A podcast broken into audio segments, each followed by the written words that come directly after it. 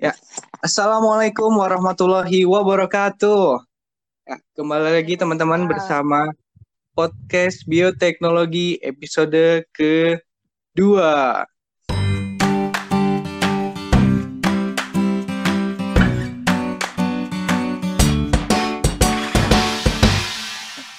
Wah, nggak kerasa ya udah episode kedua.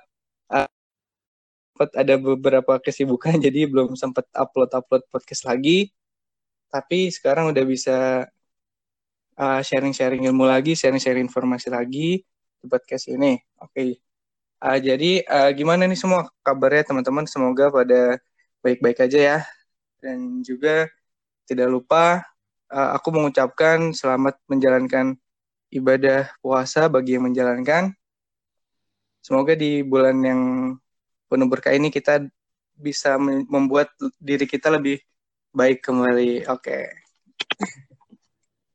Nah, pada episode kali ini kita akan membahas sesuatu hal yang cukup serius nih. Uh, yang menjadi wabah di mana-mana.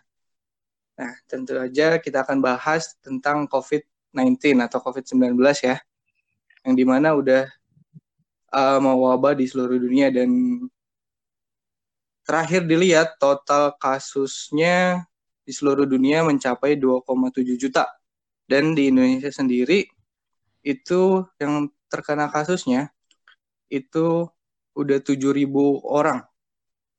Nah, makanya ini menjadi topik yang sangat seru pasti kalau dibahas atau diperbincangkan. Nah, untuk membahas topik ini, aku udah mendatangkan, udah mengundang, udah mengundang narasumber atau teman ngobrol kita yang pastinya uh, berkompeten untuk membahas uh, topik ini. Nah, langsung saja kita panggil. Halo, Bu. Bu. Halo. Halo. Nah, beliau adalah Ibu Anissa Humaira. Buat yang belum tahu, Ibu Anissa Humaira ini okay. uh, merupakan dosen ya, Bu, dosen satu dosen di Bioteknologi Universitas Asia Yogyakarta. Ya, beliau uh, S1-nya di Mikrobiologi UGM, S2-nya di Mikrobiologi UGM, S3-nya kapan, Bu? Nunggu ya, nanti pasti berangkat, insya Allah. Oh, amin, amin, amin. Oke, Bu. Uh, gimana kabarnya, Bu? Alhamdulillah baik. Hari pertama puasa ya. Ini kita ah. sambil nunggu jam buka, kita record untuk iya, podcast. Ya, kita kita ngabuburit dulu, Bu. Oke. Okay. Terus kesibukan sekarang apa, Bu? Kesibukannya ngajarin kalian kuliah, terus ikut kursus-kursus online, oh, masak, betul. main musik, oh, oh, terus jadi, goleran. jadi saya bisa tetap produktif ya, Bu ya, walaupun di rumah ya, Bu. Oke, ini kenapa ya kok tiba-tiba Hafid kepingin bahas soal COVID-19 ini? Uh, karena ya menurut saya Bu, ini uh, hal yang serius bu terus juga banyak orang yang masih agak menyepelekan dan belum tahu sebenarnya COVID-19 itu kayak gimana bu jadi saya pengen ya ngasih orang-orang informasi mengenai COVID-19 ini mungkin jadi bisa lebih bermanfaat gitu bu jadi lebih paham dan lebih oh. aware nanti kepada COVID-19 gitu sih Oke, ya ya ya ya ya.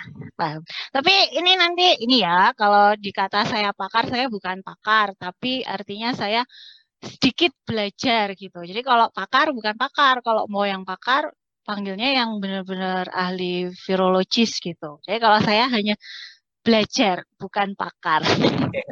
Iya, maksudnya lebih kompeten lah Bu dibanding saya, Bu. Iya. Iya, belum tahu Bu ya, ya, ya, ya. Ica ini panggilan akrabnya Bu Ica ya Bu ya jadi bisa dipanggil Bu Ica oke okay. ya betul Bu Ica ini salah satu pembimbing yang pembimbing saya jadi uh, dia juga hati-hati nih ngomongnya nih tolong nggak nggak langsung aja kayak di dalam kelas Oh. Sama aja kan maksudnya ya biasa aja, nggak yeah. usah yang resmi-resmi banget ya. Coba langsung aja masuk ya ya ke Oke. Okay. Nah, um, saya pernah saya tanya ya Bu ya. Oke. Okay. Saya baca-baca nih Bu dan dengar berita juga dan ngeliat juga, dengar juga katanya orang yang masih uh, gak percaya dengan virus masih nggak percaya dengan virus katanya virus itu hoax lah virus itu bohongan lah atau hmm. Hmm. kayak doang lah biar gitu gitu hmm. sebelum hmm. itu bu mungkin bisa dikatakan hmm. sebenarnya virus itu apa bu dan gimana dia bisa menginfeksi kita Oke, kalau saya baca apa ya dari teman-teman saya yang kirim-kirim juga, kadang kan saya juga aktif untuk uh, ikut mengedukasi lewat story, hmm. IG, Facebook maupun WA gitu ya. Ada beberapa yang mereka itu bilang ke saya, e, ayah aku loh, bapak aku gitu bilang itu. Bilang, ih apa sih? Yang penting kita percaya sama Allah. Kalau misalnya nanti dikasih sehat, pasti ya sehat. Gitu iya, kan, satu. Terus habis itu ada yang bilang itu cuma konspirasi aja dari Barat. Oh, oh kita iya, sekarang iya. juga sehat. Kalau kalau sehat ya udahlah, tetap jalan aja kedua gitu ya. Jadi banyak spekulasi-spekulasi di luar yang mm, menggampangkan keadaan wabah yang ada pada saat ini gitu. Nah, jadi ya namanya virus semua orang juga sudah banyak yang pahami. Ya, e, masyarakat yang teredukasi tentunya saya rasa e, mereka paham virus itu apa gitu. Nah, kalau orang-orang yang hanya beranggapan ah itu konspirasi, ah itu nanti kita harusnya percaya sama Allah. Ya benar, percaya sama Tuhan, tapi Tuhan tidak pernah menafikan kita untuk selalu memakai akal gitu ya. Jadi kita tetap harus pakai akal, artinya kita juga harus belajar. Pastinya kalau yang masyarakat terpelajar saya rasa juga sudah paham sih apa itu virus. Ya, kalau mau dibahasakan virus itu sebenarnya hanya sejumput ya, suatu entitas sejumput protein yang kecil, kemudian dia tidak terlihat. Dan sebenarnya virus ini tidak akan bisa hidup kalau misalnya dia tidak memiliki sel atau tidak ada tempat untuk hidup, yaitu inang. Jadi dia itu hanya entitas. Entitasnya sebenarnya memang ada. Jadi entitasnya berwujud, tapi dia itu hanya wujudnya itu kecil, tidak besar dan dia tidak akan hidup kalau misalnya tidak ada inangnya gitu. Nah, ketika dia sudah menemukan inang, makanya dia akan e, bereplikasi, kemudian dia akan memperbanyak diri. Nah, dari memperbanyak diri itulah misalnya ada di dalam tubuh, di dalam e, sel tumbuhan atau di dalam sel hewan yang akan akhirnya menimbulkan kerusakan di pada inangnya itu sendiri. Seperti hijack ya. Hijack itu artinya dia um, apa namanya mengambil alih gitu ya. Dia mengambil alih kehidupan daripada si inangnya gitu. Oh jadi dasarnya sebenarnya virus itu bukan makhluk hidup ya, Bu? Iya, dia kalau pada dasarnya dia hanya sebuah materi ya, dia materi, tapi ada wujudnya ada gitu. Ada. Tapi dia akan hmm. istilahnya dalam tanda kutip akan hidup ketika dia sudah masuk ke inangnya atau yang di mm ya gitu ya.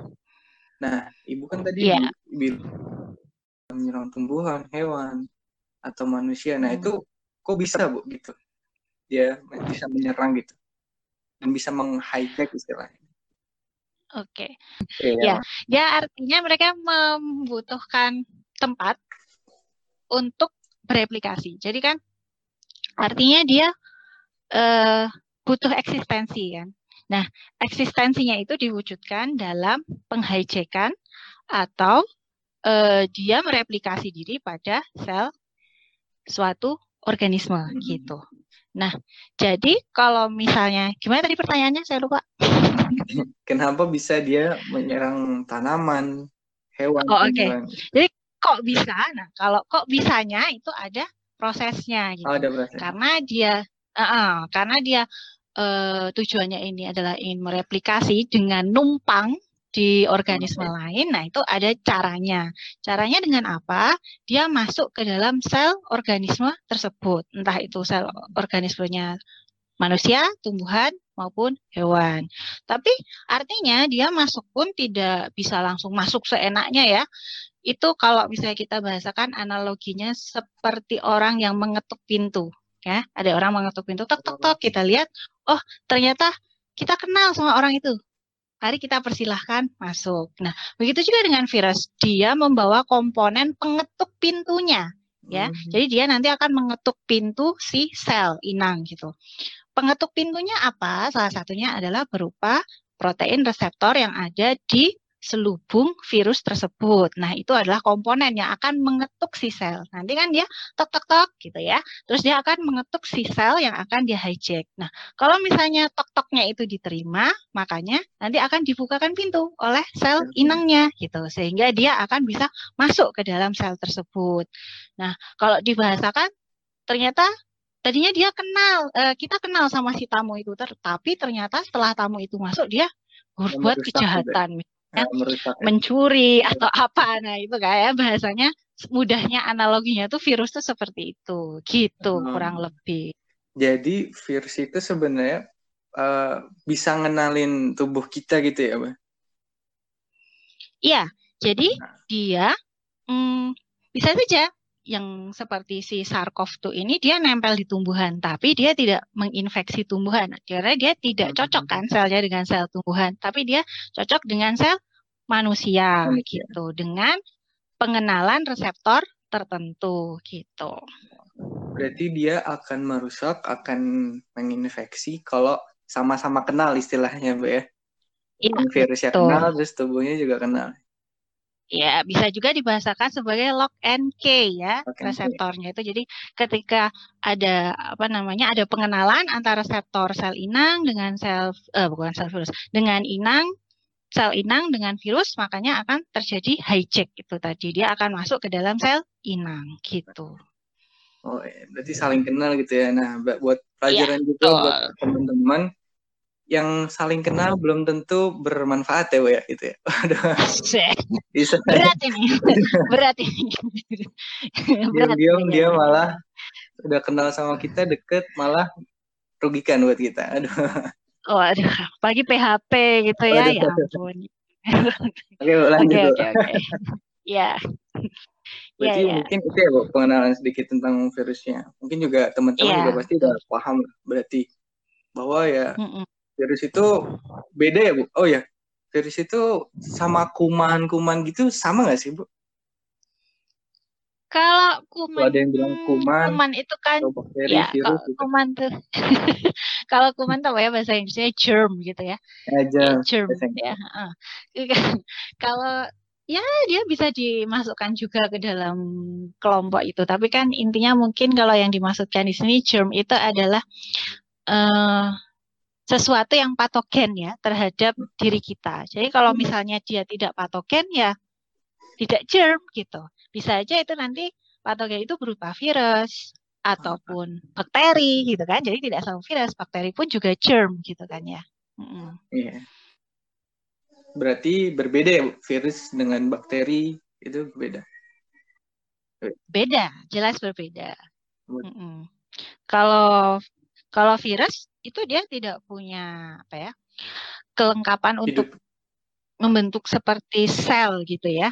Sementara kalau bakteri itu dia melengkap memiliki kelengkapan satu sel itu karena dia adalah uniseluler. Jadi kalau misalnya bakteri itu berarti di dalamnya eh, ada genomnya atau materi genetiknya beserta kelengkapan-kelengkapan lain yang uh, digunakan untuk dirinya bereplikasi. Jadi dia punya sendiri alat-alatnya untuk bereplikasi dan memperbanyak. Jadi plus melakukan metabolisme. Itu kalau bakteri.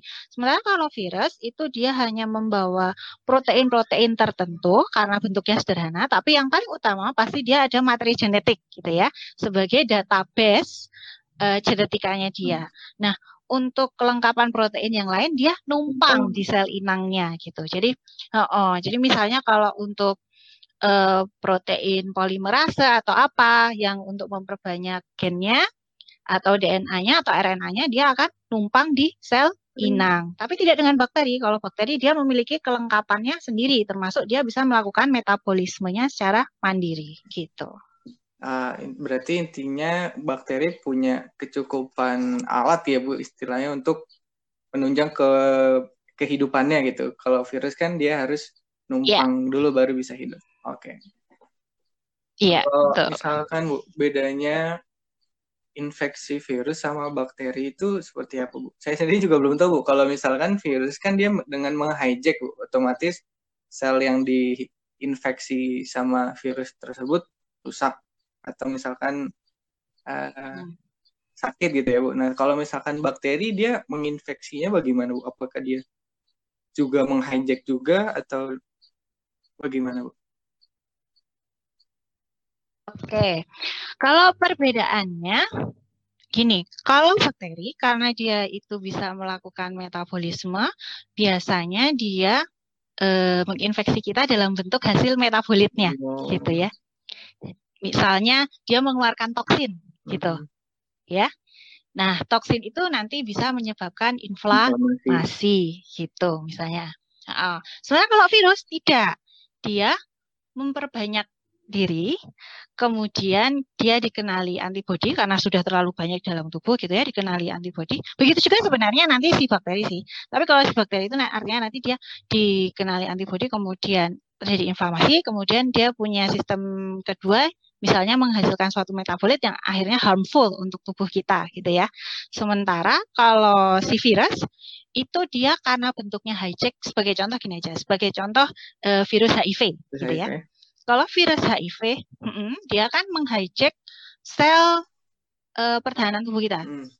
uh, imun kita yang dihijack, yaitu sel B kita gitu ya. Jadi imun kita yang dihijack oleh dia. Nah, ketika imun kita dihijack, itu berarti secara otomatis keadaan imun kita Lemah. menjadi ya. menurun drastis gitu dan itu efek selanjutnya ya ada inflamasi dan yang lain-lain termasuk sarkov ini juga jadi artinya nanti dia memperbanyak kemudian antibodi mengenali nah kemudian akan timbul inflamasi termasuk salah satu salah satu efek inflamasinya adalah terjadinya penumpukan eh, penumpukan lendir di paru-paru yang akhirnya dikatakan sebagai pneumonia gitu. Sebenarnya itu ada pertanyaannya gitu. lagi sih buat tentang itu.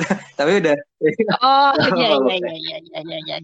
Nah, saya kan mengambil contoh gitu ya, maksudnya biar mudah dimengerti gitu. Ya kalau misalnya nanti eh, nggak uh, diambil contoh nanti susah ya mikirnya. Ah ada hasil mungkin uh, bisa itu kalau dijelaskannya pakai apa ya ada semacam transduksinya ini mempengaruhi itu kan susah tapi kalau pakai contoh yeah. kan iya. jadi kita lebih mudah mengertinya gitu berarti kalau gitu kalau virus berarti kan gitu ya, Bu tadi udah dijelaskan, tapi kalau bakteri dia kayak mm. ngeluarin senyawa gitu. Nah, dia untuk hidup di dalam tubuh mm. si inangnya itu berarti makanannya tuh dari mana, Bu? Kalau untuk bakteri. Siapa? Oh, kalau virus sama bakteri juga. oh, kalau virus kan tidak oh, butuh tidak hidup, butuh, ya. dia hanya butuh replikasi, nah, ya kan? Tadi kan sesuai dengan definisinya dia tidak butuh hidup, dia hanya butuh untuk bereplikasi aja. Dia akan memperbanyak diri aja. Jadi kalau tujuannya virus itu nggak nggak butuh sesuatu yang harus dia metabolit gitu ya, tidak harus sesuai ada sesuatu yang harus dia ekskresikan gitu. Yang penting dia bisa bereplikasi itu virus. Sementara kalau bakteri dia e, harus melakukan metabolit nah, iya. gitu ya untuk e, tetap bertahan hidup. Nah tergantung di dalam tubuh kita ada apa? Entah itu nanti memang berupa nutrien atau protein ekspresi dari sel kita sendiri sehingga sama dia di metabolit kemudian dia akan dapat bereplikasi begitu. Nah, jadi kurang lebih kayak gitu. Oke. Okay. Nah, oke okay, tadi udah secara luas ya Bu virus secara luas. Nah, sekarang uh, lebih spesifik lagi Bu, yang virus yang menyebabkan COVID-19 mm. ini Bu, virus SARS-CoV. Mm. Nah, virus SARS-CoV ini sebenarnya bagaimana, Bu? Kan ada juga SARS-CoV-1, SARS-CoV-2. Nah, itu seperti apa, Bu? Oke, kalau dari beberapa sumber yang saya baca, memang sebenarnya eh, SARS-CoV ini dinamai SARS-CoV karena dia menyebabkan eh, penyakit atau bukan penyakit ya, artinya terjadi infeksi di saluran pernafasannya karena acute respiratory syndrome gitu kan ya namanya saja udah acute respiratory uh, dia memang juga menimbulkan suatu acute syndrome sehingga dia dimasukkan ke dalam golongan yang SARS gitu ya. Hmm. Nah, yang ini itu dinamakan yang seri kedua gitu. Jadi dia mirip dengan yang seri pertama dulu, tapi yang seri pertama dulu wabahnya tidak terlalu luas dan uh, musim dingin gitu. Jadi kan waktu di Cina itu kan juga dia munculnya ketika musim begitu juga yang SARS yang zaman dulu gitu ya. Hmm. Dan memang bentuknya sama, memiliki crown, memiliki sesuatu apa namanya spike protein dan yang lain-lain. Tapi yang bedanya di SARS-CoV-2 ini dia punya eh, apa protein hemaglutinin transferase gitu namanya ya. Jadi di antara spike hmm. proteinnya itu dia punya namanya hemaglutinin transferase.